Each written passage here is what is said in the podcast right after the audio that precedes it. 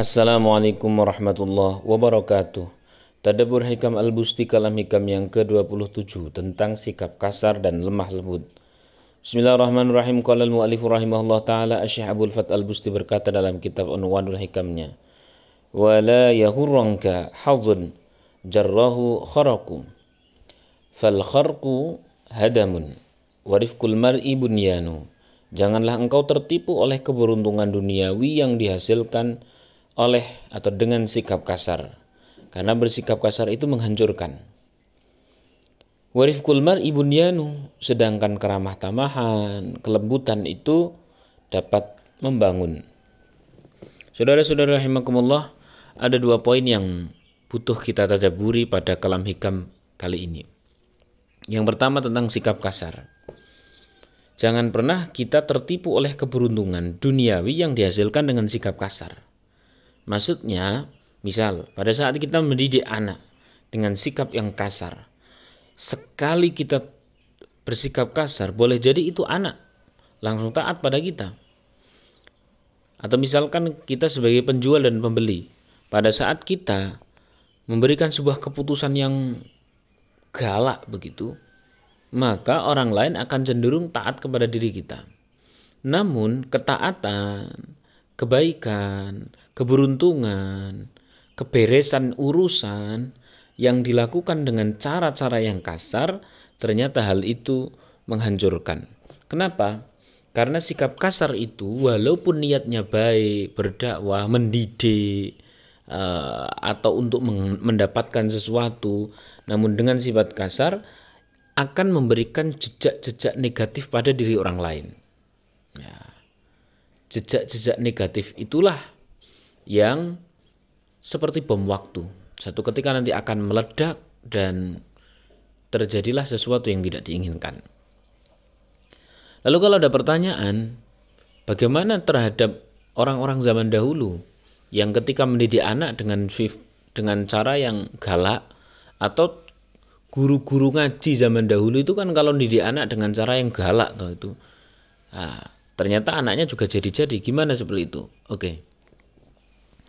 Orang zaman dahulu, termasuk guru ngaji zaman dahulu memang pada saat memberikan pengajaran Al-Quran itu bersifat galak atau kasar seperti itu. Namun di setelah itu biasanya orang-orang zaman dahulu kalau hari ini habis marah-marah nanti sebentar lagi berapa menit kemudian itu anak sudah diajak ke mana diajak nyate lah diajak disenengkan lah itu untuk apa? Untuk netralisir jejak buruk yang terjadi pada diri anak. Atau pada saat malam didoakan dengan doa yang lebih kenceng daripada eh, kencengnya saat memarah-marahi. Nah, doa yang kenceng mendoakan anak, mendoakan murid yang sedemikian luar biasa setiap malam, ini lebih dominan. Dan hal inilah yang akan menetralisir uh, tabungan tabungan negatif pada diri seorang anak atau diri seorang murid. Alhasil tetap jadinya baik. Lah hari ini fenomenanya berbeda. Orang kalau sudah berdalih menasihati orang lain, kemudian berdakwah dan sebagainya kadang-kadang dengan cara yang kasar, bahasa yang kasar, penyebutan yang kasar tanpa adanya didoakan itu, tanpa adanya e, disenengkan itu dinetralisir jejak buruknya maka yang terjadi adalah bukan jadi kebaikan. Yang terjadi adalah keburukan demi keburukan. Oke. Sehingga bolehkah kita bersikap nah kalau kasarnya terlalu tentu tidak boleh. Tapi bersikap tegas ya atau sedikit kasar kepada anak, kepada murid dan sebagainya bahkan pada saat berdakwah boleh jadi itu boleh. Tapi harus dinetralisir. Dengan cara apa? Dengan cara di waktu yang lain kita senangkan itu anak. Dan harus didoakan, diberikan kasih sayang berupa doa di hadapan Allah jauh berlipat-lipat lebih besar, berlipat-lipat lebih sering, berlipat-lipat lebih sungguh-sungguh, berlipat-lipat lebih kenceng daripada saat kita marah sama murid. Alhasil, uh, jadi marahnya itu hanya di dohir saja. Nah, sementara di dalam hati tidak sampai. Kenapa? Hati sudah sibuk mendoakan. Itu kalau memang kita harus melakukan kepada murid, kepada orang yang kita dakwai, bersikap tegas atau bersikap kasar, tentu itu hanya di dohir saja. Kenapa? Karena hati sudah sibuk menyayangi, hati sudah sibuk mendoakan.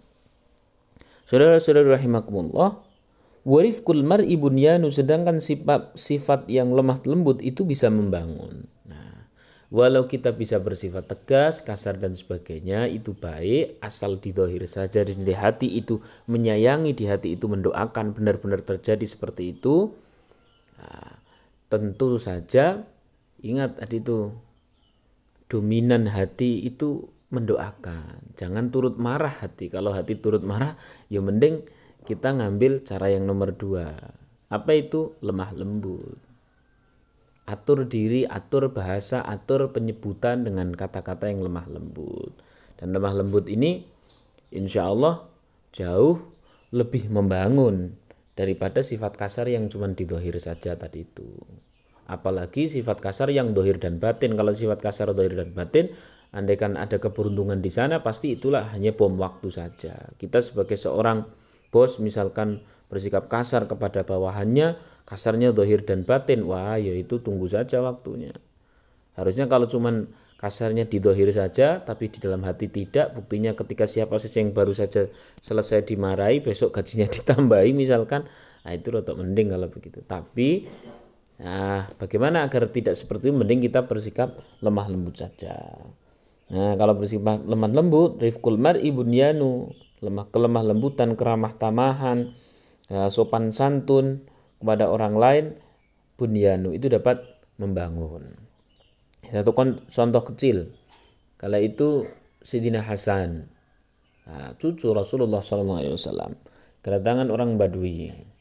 Orang Badui itu kemudian tiba tiba-tiba e, menghina, marah-marah, e, mencaci maki diri Sayyidina Hasan dan seluruh keturunan-keturunan ke atasnya. Berarti termasuk menghina Rasulullah.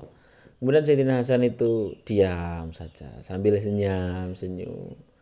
Nah, sampai Badui ini habis ini menghinanya dan sebagainya ini Sayyidina Hasan masuk ke dalam rumah ngambil sesuatu ada sesuatu di rumah itu dinar begitu ya uang dan sebagainya Kemudian diberikan kepada orang Badui tadi, wahai orang Badui, apakah engkau sedang dalam kondisi butuh sesuatu atau mungkin engkau sedang dalam masalah keluarga, barangkali saya bisa membantu mungkin, tolong ini diterima sebagai kasih sayangku kepada engkau. Ini orang Badui langsung gede-gede. Betul sekali, engkau ini memang benar-benar cucu Rasulullah saya datang ke sini itu hanya untuk ngecek, ngetes seperti apa sih akhlaknya cucu Rasulullah. Dengan cara saya marah-marah dengan saya cara menghina engkau wahai Sayyidina Hasan dan ternyata engkau masuk ke rumah kau bersikap seperti itu. Memang betul engkau ini berakhlak mulia. Saudara-saudara rahimakumullah dan mulai saat itu orang Badui tersebut menjadi orang yang jauh lebih baik Saudara-saudara rahimakumullah, hal senada pun pernah terjadi pada diri Rasulullah Sallallahu Alaihi Wasallam yang kala itu ada seorang bernama Samamah atau Sumamah yang datang ke Madinah hanya untuk membunuh Rasulullah dan ternyata kemudian diringkus oleh para sahabat lain di tali di salah satu tempat di Sandra oleh sahabat-sahabat Rasulullah. Begitu Rasulullah sampai ke tempat itu, ke tempat orang yang mau membunuh beliau tapi sudah disandra oleh para sahabat-sahabatnya ini yang di Sumamah. Ternyata Rasulullah berkata apakah tawanan kita ini sudah dikasih makan? Para sahabat kaget loh ya Rasulullah ini orang mau membunuh engkau loh. Malah ditanya sudah dikasih sudah dikasih makan atau belum? Ya belum. Kalau belum ambil makanan di rumah berikan dia makanan lepaskan talinya. Wah begini Rasulullah caranya. Usai itu kemudian dikasih makan dilepas itu talinya Rasulullah berkata syahadat ya baca kalam la ilaha illallah Muhammad Rasulullah ya. Tidak mau. Syahadat ya? Tidak mau. Syahadat ya? Tidak mau. Setelah berusaha Rasulullah untuk mensyahadatkan orang tadi tidak mau apa yang terjadi? Apakah dibunuh ataukah disandra lagi? Ternyata tidak. Rasulullah mengatakan, "Wahai para sahabat-sahabat, lepaskan orang ini." Begitu dilepaskan, itu samama atau sumama dilepaskan, nah, baru setengah perjalanan pulang ini samama atau sumama itu berpikir, ah, akhlak seperti tadi tidak mungkin kalau itu orang biasa. Itu pasti benar utusan utusan Tuhan. Kalau begitu, mending aku balik saja. Dalam benak Samamah mengatakan seperti itu, kemudian kembali kepada Rasulullah dan mengucapkan kalam, kalimat syahadat. Kenapa? Karena kelemah lembutan, keramah tamahan, adabnya, akhlaknya Rasulullah SAW. Baik, semoga bermanfaat. Jadi kesimpulannya sudah bisa kita dapatkan dalam menyikapi segala hal kita bisa dengan cara yang kasar, kita bisa cara, cara yang lemah lembut. Cara lemah lembut insya Allah akan lebih efektif. Kalau toh harus menggunakan cara yang kasar dan tegas, maka kasar dan tegas itu tidak berlebihan dan hanya dizohir saja. Hatinya sibuklah menyayangi, hatinya sibuklah mendoakan. Dengan seperti itu, maka kebaikan akan benar menjadi kebaikan, bukan bom waktu. Demikian yang dapat saya sampaikan. Ikuti terus kalam hikam berikutnya. Semoga bermanfaat. Saya Kang Riyad dari Hikam Murid Doaku. Terima kasih untuk yang sudah untuk patungan tanah. Ini masih dibuka. Semoga eh, setiap jengkal tanah yang kita gunakan untuk sholat, untuk eh, ngaji Quran, untuk kajian-kajian dan sebagainya. Dan itu patungan dari panjenengan semuanya. Kelak dirubah oleh Allah Subhanahu wa taala menjadi surga yang berhektar-hektar bahkan yang sangat luas. Matur terima kasih. Assalamualaikum warahmatullahi wabarakatuh.